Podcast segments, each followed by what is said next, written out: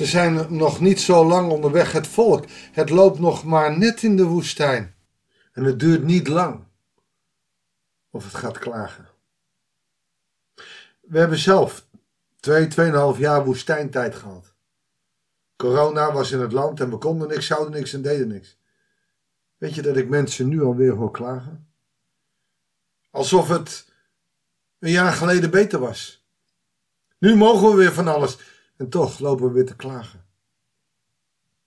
Wie is toch de mens dat u aan hem denkt, zegt David in Psalm 8. De mens is een klager. Hij heeft de wereld gekregen van God, maar kan alleen maar klagen over de last die hij heeft. Zelfs Mozes. Zelfs Mozes klaagt, omdat ze bij hem klagen. Wie is hij dat hij dit volk moet leiden? Zo kun je als leider soms de banen van hebben, omdat ze bij jou lopen klagen. Wie is de mens dat u zijnde gedenkt? Oké, we zijn bijna goddelijk gemaakt, maar leven we daar ook naar? De bevrijding vanuit Egypte was een groot feest, maar het is van korte duur. De mens heeft te klagen, alsof de mens in de leiderstijd zit en niet God. Goeiedag, hartelijk welkom bij een nieuwe uitzending van het Bijbels Dagboek. We lezen uit Nummerie, Nummerie 11, de vers 1 tot en met 9. En dan lezen we het volk begon de Heer zijn nood te klagen. Toen de Heer dat hoorde, ontstak hij in woede en het vuur van de Heer laaide op en greep om zich heen aan de rand van het kamp. Het dreigt met vuur. Sommigen zouden zeggen dat is het vuur van de hel, maar dit is gewoon het vuur van de toorn van de Heer. En als dat vuur ingrijpt, dan is dat als wat er in Egypte gebeurde. Dat al die mensen die door hem gegrepen werden, daar was het eerstgeborene, zouden sterven. Gods vuur laait op. Het kan je zegenen. Het kan je vervloeken. Maak God niet boos. Waarom zouden wij klagen? Het is toch niet Gods schuld dat wij het slecht hebben. Het is toch niet Gods schuld dat de kerken leeglopen. Het is toch niet Gods schuld. Waarom zouden we klagen? We hebben nog zoveel. We hadden misschien niet eens het recht om te klagen door corona. En toch, nu doen we het alweer. Het volk riep Mozes luid om hulp en Mozes bad tot de Heer. Toen doofde het vuur. Doodsbang waren ze. Ze noemden die plaats Tabera. Dat betekent brandende.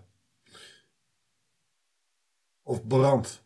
Omdat daar het vuur van de Heer bij hen was opgeleid. Het samenraapsel van vreemdelingen dat met hen meetrok was onverzadigbaar. En ook de Israëlieten begonnen weer te klagen. Wat je ziet is dus dat er een bepaalde groep is die begint te klagen en dat gaat over ook op het uh, gewone volk. Hadden we maar vlees te eten, zeiden ze. En ze verlangden terug naar de vleespotten van Israël.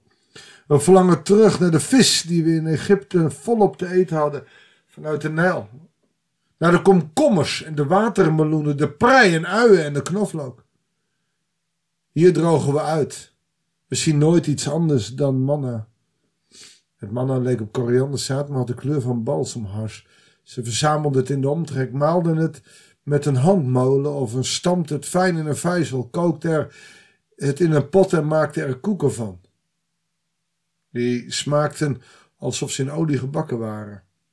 Wanneer het kamp s'nachts door de dauw bedekt werd, daalde ook het manna erop neer. Dit staat tussen haakjes. Niet in alle vertalingen komt dit laatste gedeelte voor, vers 7 tot en met 9. Het volk klaagt. Het heeft slechts manna.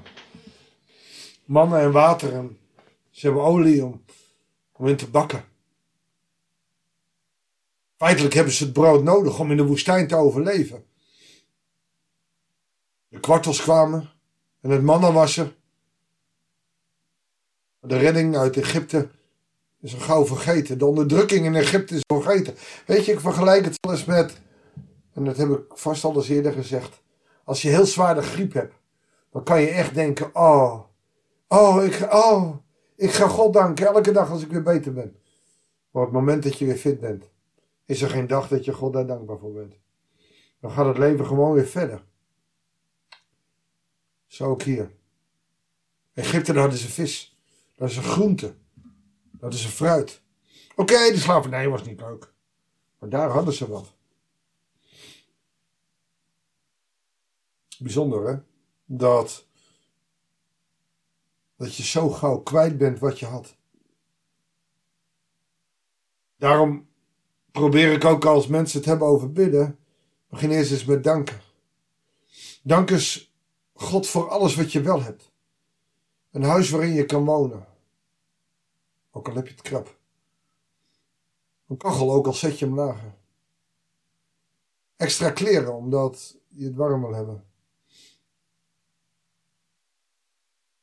Ik heb laatst een jongen gesproken. Hij had psychische problemen. Vond het niet eerlijk dat zijn broer gewoon bij zijn ouders thuis kon wonen. Maar dat hij in een opvangverhuis voor jongeren moest wonen. Omdat hij moeilijker te hanteren was. Dat hij begeleiding nodig heeft. Omdat hij psychische problemen heeft.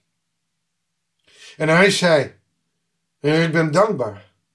En ik tel mijn zegeningen. Ik heb een dak boven mijn hoofd. Ik heb eten en drinken. Ik heb vrienden. Ik heb kennissen en elk weekend kan ik naar huis. Ja, en als zo'n jongen het zegt, dan gaat het ergens om. Maar er zijn zoveel mensen die, die alles hebben en toch nog weten te klagen. Want hun vakantie kan niet ver genoeg weg zijn.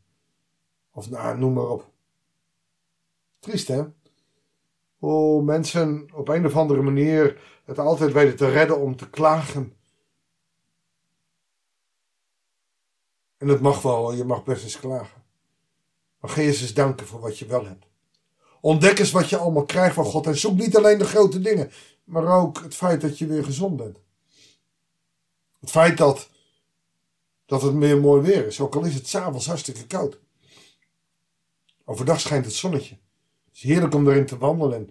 En je wordt er fit door. Ook al heb je allerlei klachtjes. Dat je de aandacht hebt van een buurvrouw, van een vriendin, van een moeder, van een vader, van een kind. Dus dan mocht ik uh, iemand opzoeken. Hij heeft heel lang de podcast gevolgd. Jarenlang. Was ook een kritische luisteraar. Een moeder van een vriendin. Op dit moment lukt het haar niet meer om die podcast te luisteren. Maar ik mocht haar even opzoeken. Ik mocht met haar bidden. De dankbaarheid die er was. Ze klaagde niet over alles wat ze had. Ze was dankbaar dat wij even langskwamen. En zo kun je mensen even blij maken. Maar als je dat niet ziet, ga je klagen over de dure prijzen in de supermarkt, terwijl jij nog eten kan kopen. Er zijn mensen op drift, op bootjes op de Middellandse Zee, met het risico dat ze sterven. Hadden ze maar iets wat wij kunnen kopen. Iets te eten, iets te drinken. Zij zijn blij met een flesje water. Zij zijn blij met een stukje brood. En wij maar klagen. Natuurlijk wordt het steeds duurder. En er zullen ook mensen zijn die het niet of nauwelijks kunnen betalen. Ik snap dat ook wel.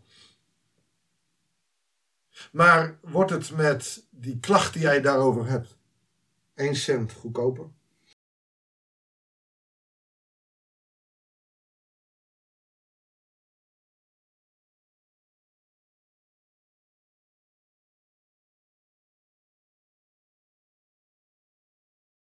Eén ding weet ik wel. Door te klagen Gaan andere mensen klagen en voor je het weet hebben we één klaaglied.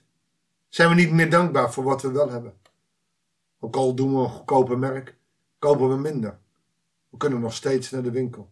In alle vrijheid kunnen we eten en drinken halen.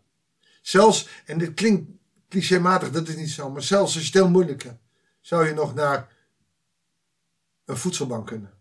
Bij ons achter de kerk staat een kastje als je nodig hebt, mag je daar wat uitpakken. Steeds meer initiatieven. Je hoeft. Het niet bereid. Geen honger te lijden. Nee, daar is dankbaar voor te zijn. Pas dan kun je bidden. Laten we dan ook maar dankbaar zijn. Mag ik met je bidden? Heere God, dank u wel. Dat ook al is het soms moeilijk, dat we een God hebben die altijd heel dicht nabij is. Dank u wel dat de meesten van ons gewoon nog wel eten en drinken kunnen kopen. En we weten allemaal dat het duurder is. Heere God, leer ons om dankbaar te zijn en niet overal over te klagen. Zodat we in alles wat we doen uw liefde, uw genade, uw aanwezigheid kunnen voelen. Heer God, door klagen kunnen we u niet ervaren. Door klagen worden onze problemen niet opgelost. Maar als wij oprecht met u gaan leven, zullen we gezegend worden. En kunnen we tot zegen zijn. Een klager kan niet zegenen. Je kan alleen maar klagen. Maar iemand die het klagen voorbij gaat, dankbaar is voor wat hij wel heeft, mag een zegen zijn. Voor hemzelf, voor anderen en voor u. Zo zegenen we en prijzen we en loven we uw grote naam. Dank u wel voor wie u bent. Dank u wel dat u ook in moeilijke tijden met ons meegaat. Of als we te druk hebben, dat u ons niet vergeet, ook al vergeten wij u. Heer, zie ons aan en leer ons om, ook al hebben we het soms heel moeilijk, en, en mensen met psychische nood of met depressie zullen dat heel moeilijk vinden, maar leer ons toch dwars er alles heen u te danken. Heer, dank u wel voor wie u bent. We loven en prijzen uw grote naam. Van nu aan tot in eeuwigheid. Amen. Halleluja, amen. Dank je wel voor het luisteren. Ik wens je God zegen. En heel graag tot de volgende uitzending van het Bijbelsdagboek.